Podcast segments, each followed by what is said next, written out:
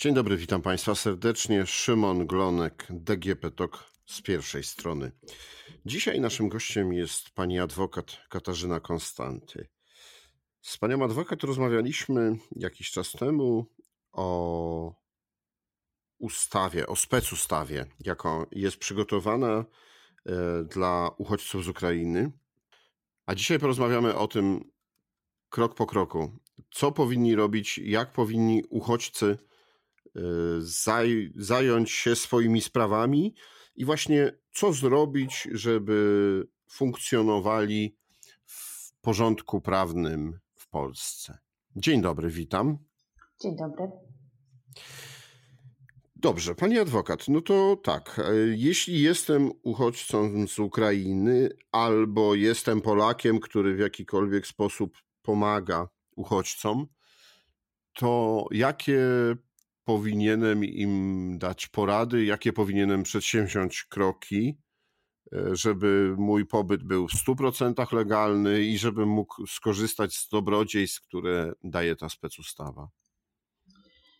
Jak już e, poruszaliśmy w poprzednim podcaście e, zagadnienie, pierwszym krokiem, który jest konieczny do podjęcia, to jest udanie się do um, Urzędu Miasta w celu uzyskania numeru PESEL. Ja tutaj nazwałam to Urząd Miasta, natomiast generalnie PESEL jest nadawany przez organ wykonawczy gminy. Natomiast w każdym mieście jest to placówka, która E, jest wyodrębniona i jest oczywiste, gdzie po ten PESEL się udać. E, z, mm, to ja tutaj już się mhm. wtrącę, bo pojawiły się jakieś dziwne informacje, co ten PESEL daje. Łącznie z tym, że są jakieś fake newsy o tym, że on daje obywatelstwo. Nie, nie, nie.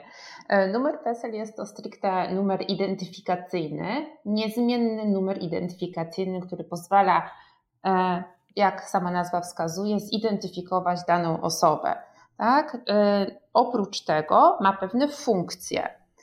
Tą funkcją jest na przykład możliwość skorzystania osoby, która takim numerem się zidentyfikuje ze świadczeń socjalnych E, bądź założenia e, profilu zaufanego, e, skorzystania z usług takich jak e-recepta. Więc nie, nie, nie daje obywatelstwa, natomiast przede wszystkim pomaga uzyskać pewne usługi i identyfikuje. Bardzo istotną kwestią jest to, że numer PESEL pomoże tym E, z obywateli Ukrainy, którzy przekroczyli polską granicę i nie uzyskali potwierdzenia wjazdu do Polski w paszporcie ani w innym dokumencie. Wówczas uzyskanie numeru PESEL jest de facto rejestracją takiego obywatela Ukrainy e, w Polsce. Drugą rzeczą bardzo istotną jest to, że uzyskanie numeru PESEL pomoże e, czy da uprawnienie do przedłużenia pobytu w Polsce legalnego do trzech lat. O tym też wspominaliśmy ostatnio, że taki pobyt legalny może zostać przedłużony o kolejne trzy lata po dziewięciu miesiącach pobytu w Polsce e, i wówczas jest to możliwe właśnie na podstawie e, wylegitymowania się numerem PESEL. No dobrze. Jeśli do numeru PESEL od razu powiedzmy, żeby go uzyskać, trzeba wypełnić wniosek i mieć ze sobą y, jedną fotografię biometryczną. Tak jest. E, Co dalej? E, mm, czy mówimy o dalszej procedurze e, weryfikacji dokumentów, czy zakładamy, że ten PESEL jest nadany? No to powiedzmy, jakie mogą być trudności z nadaniem? E, trudności mogą być e, mm, różnego rodzaju, wynikające e, często też z niewiedzy urzędników. Natomiast powiem, jakie są podstawy odmowy nadania numeru PESEL. To będzie na pewno wadliwa fotografia, która nie spełnia wymagań fotografii biometrycznej, niepobrane odciski palców i potwierdzenie tożsamości na podstawie oświadczenia bez dokumentów i okaże się w przyszłości, że to oświadczenie jednak nie jest zgodne z prawem, ponieważ taki cudzoziemiec wjechał do Polski w oparciu o dokument, którego nie przedłożył urzędnikowi w chwili ubiegania się o PESEL. To są jedyne podstawy odmowy nadania numeru PESEL. E, wszelkie inne e, w zasadzie e, podstawy, jakie są podawane, czyli na przykład niewłaściwy dokument, brak dokumentu, nie są to okoliczności, które mogłyby stanowić podstawę odmowy nadania numeru PESEL. Okej, okay, czyli w większości wypadków pewnie ten PESEL y, bardzo szybko uda się y, załatwić. Y, I teraz pytanie, co dalej? E, mamy obywatela Ukrainy, który ma nadany numer PESEL. I e, ja w takiej sytuacji zalecam e, przed kontynuacją dalszych kroków prawnych podjęcie takich faktycznych działań, które ułatwią uzyskiwanie dalszych świadczeń. Czyli po pierwsze, pozyskaj numer telefonu od polskiego operatora telefonii komórkowej.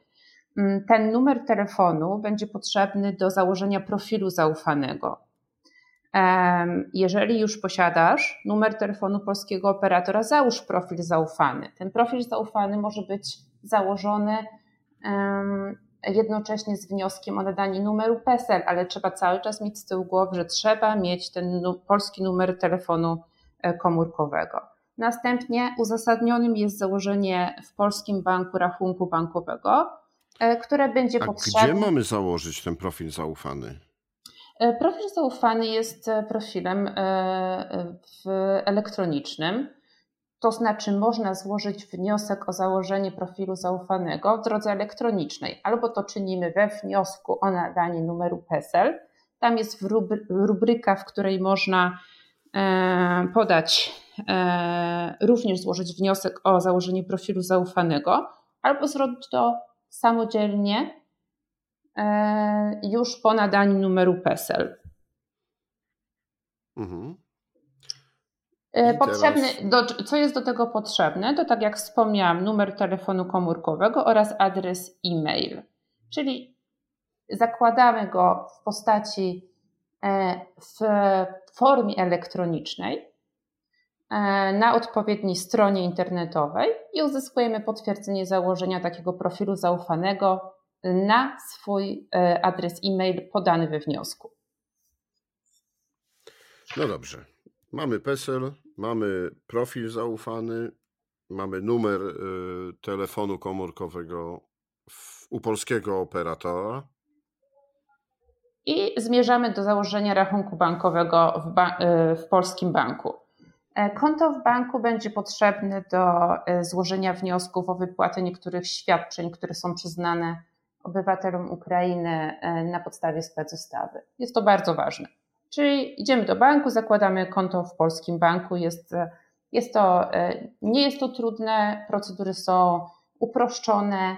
E, banki nie wymagają podawania e, adresu zamieszkania, nie, nie, również nie wymaga się podawania danych dotyczących dochodów czy zatrudnienia.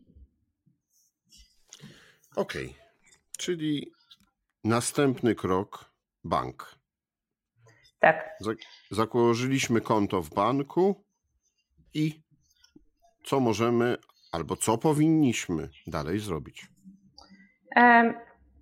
Zaleca się, znaczy zaleca się. Najprostszym e, i pierwszym krokiem, jeśli chodzi o świadczenia finansowo-rzeczowe, e, jest złożenie wniosku e, o tak zwany zasiłek na dzień dobry dla obywateli Ukrainy, czyli w wysokości 300 zł.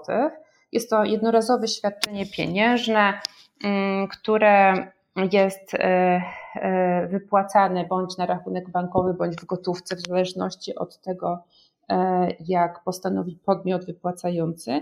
Nie ma tutaj ani wzoru wniosku, formularza, ani nie ma ogólnych zasad, które miałyby dotyczyć całej Polski.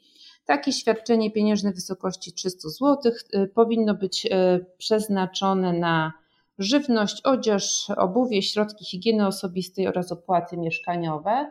Przy czym, co jest Czy bardzo jest, ważne.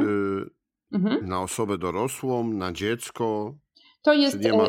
to jest świadczenie na osobę, nie na rodzinę, czyli na osobę, każdą osobę, mhm. dziecko i dorosłą.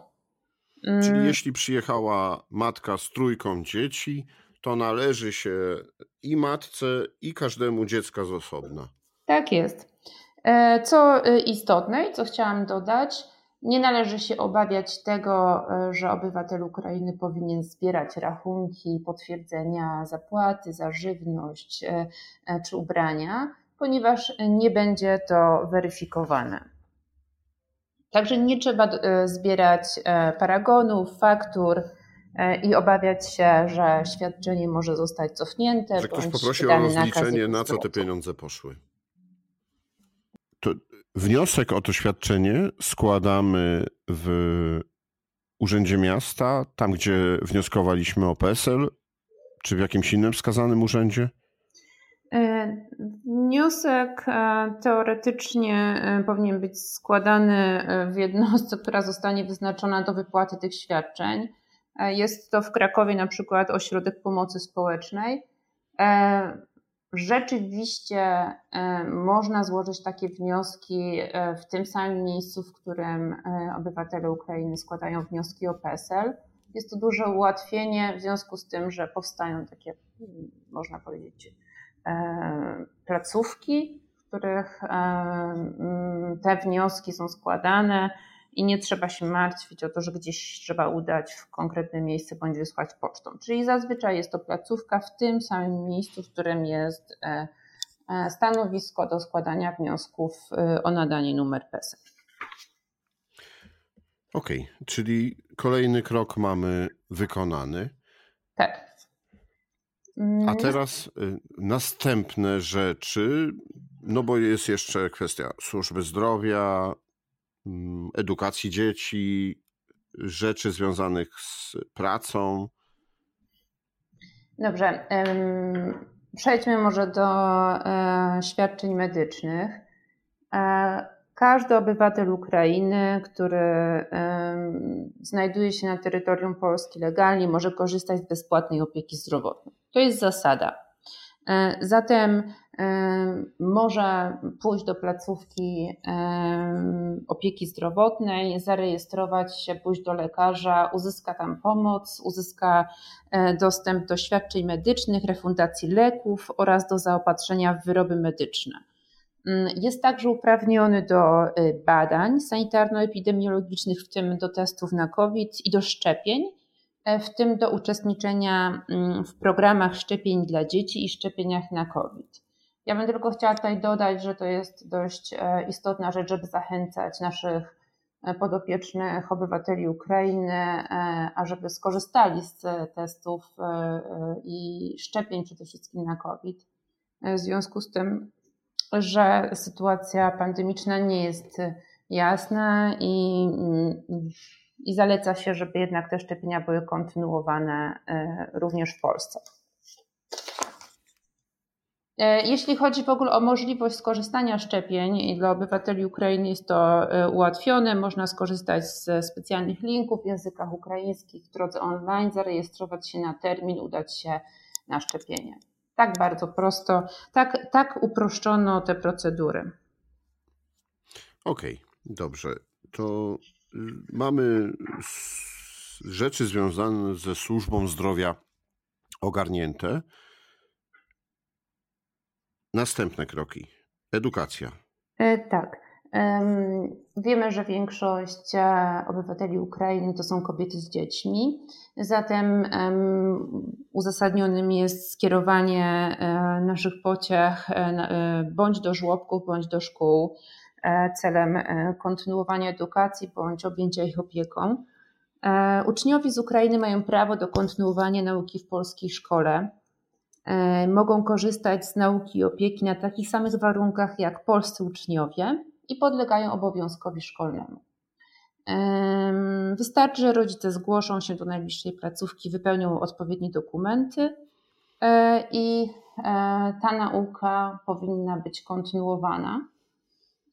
Podkreśla się w Polsce, że, że, że nie ma problemu z dostępem do edukacji dla obywateli Ukrainy i że są miejsca w szkołach, są miejsca w przedszkolach i żłobkach i na bieżąco jest to ogłaszane. Mm, również doświadczamy ogólnego, jakby ogólnej pomocy ze strony placówek prywatnych, które ogłaszają wolne miejsca w swoich szkołach, e, które udostępniają nieodpłatnie. Natomiast napotykamy na problemy natury faktycznej, ponieważ e, oczywistym jest, że istnieją różnice programowe e, i przeszkody dla uczniów językowe. Dlatego prawo prawem a jak wygląda faktycznie nauka w takich szkołach, to e, już nauczyciele doskonale wiedzą i borykają się z e, przeszkodami. A taką pierwszą przeszkodą będzie egzamin maturalny w niedługim czasie, do którego mogą przystąpić obywatele Ukrainy, ale oczywistym jest, że bariera językowa e, uniemożliwi im zapewne większości zdanie tego egzaminu tak, jakby chcieli, jakby mogli w swoim kraju.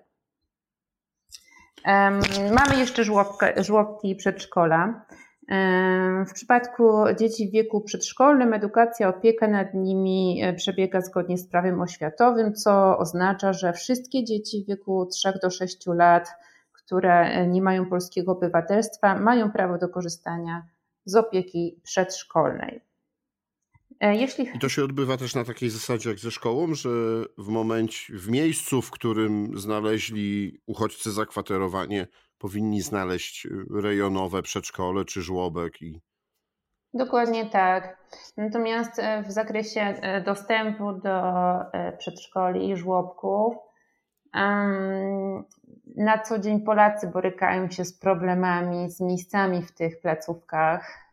Zatem tutaj może być większy problem. E, nie jest to problem prawny, a problem faktyczny.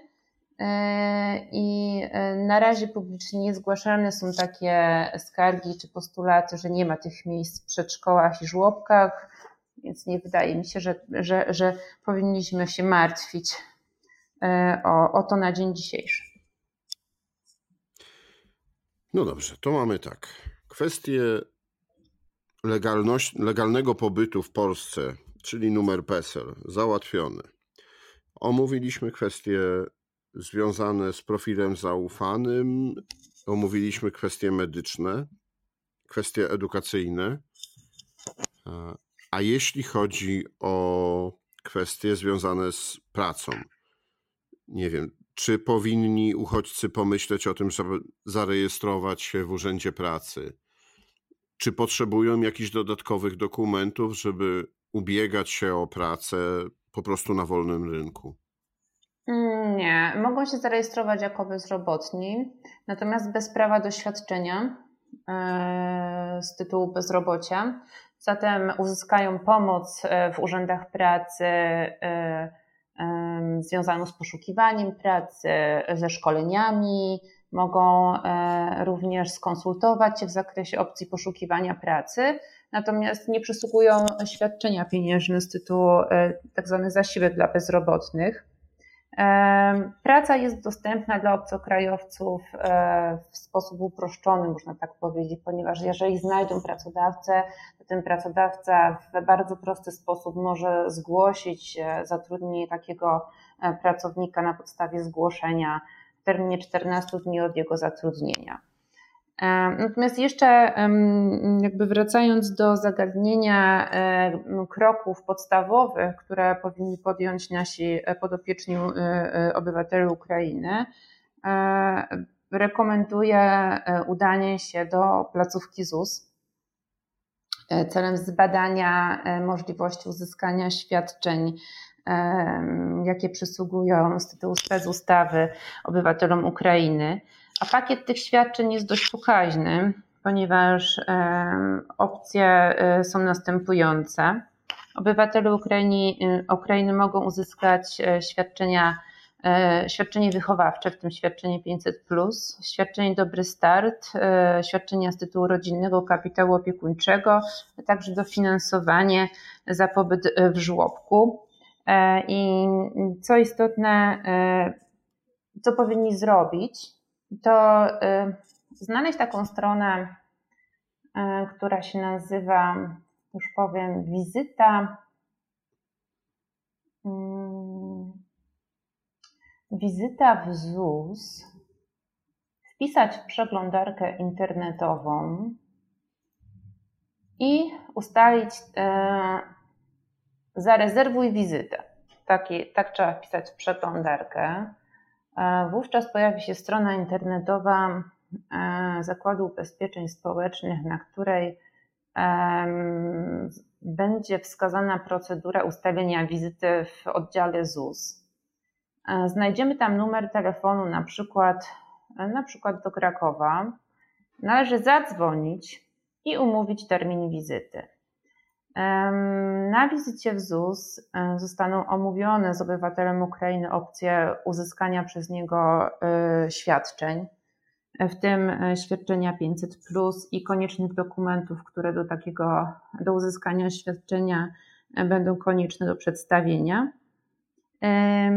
Jest to e, absolutnie rekomendowana droga i konieczna na dzień dzisiejszy, mając na uwadze okoliczność, że od 26 marca e, Zakład Ubezpieczeń Społecznych e, rozpoczął wypłacanie świadczeń obywatelom Ukrainy. Okej, okay, to rzeczywiście jest ważne, żeby ustalić, jakie dokumenty potrzebne są i co trzeba złożyć w ZUS-ie, aby otrzymać takie świadczenie. Czy jeszcze są jakieś takie pierwsze podstawowe kroki, które powinni uchodźcy z Ukrainy wykonać, żeby no, ich pobyt był tutaj jak najbardziej komfortowy, o ile można takiego słowa użyć? O komfort pobytu tutaj niezmiernie trudno, natomiast no, mogą spróbować jakby zweryfikować swoje e, opcje dotyczące e, pomocy finansowej ze strony e, państwa polskiego. W przypadku takich sytuacji trudnych, w których zaczyna brakować środków na życie, zaczyna brakować ubrań, poszukać miejsc w danym mieście, w którym wydawane są, jest udzielana pomoc rzeczowa, to znaczy wydawana jest żywność, wydawane są ubrania, udzielana jest pomoc psychologiczna. Aby dowiedzieć się, gdzie są takie miejsca, rekomenduję skontaktować się z punktem recepcyjnym e, bądź e, zadzwonić na infolinię na przykład Ministerstwa Spraw Zagranicznych bądź rekomendowany numer na tej stronie. Uzyskamy tam wówczas informację, gdzie w danym mieście można uzyskać pomoc w zakresie miejsca pobytu dla obywatela Ukrainy E, wyżywienia i innej pomocy rzeczowej. No dobrze, więc mam nadzieję, że naświetliliśmy Państwu, jak możecie korzystać, e, jak możecie podpowiedzieć też e, osobom, z którym, którym pomagacie, które przyjechały do Polski, uciekając przed wojną na Ukrainie. Pani adwokat, serdecznie dziękuję za te wszystkie porady i za rozmowę. Moim i Państwa gościem była pani Katarzyna Konstanty, a było to DGP Talk z pierwszej strony.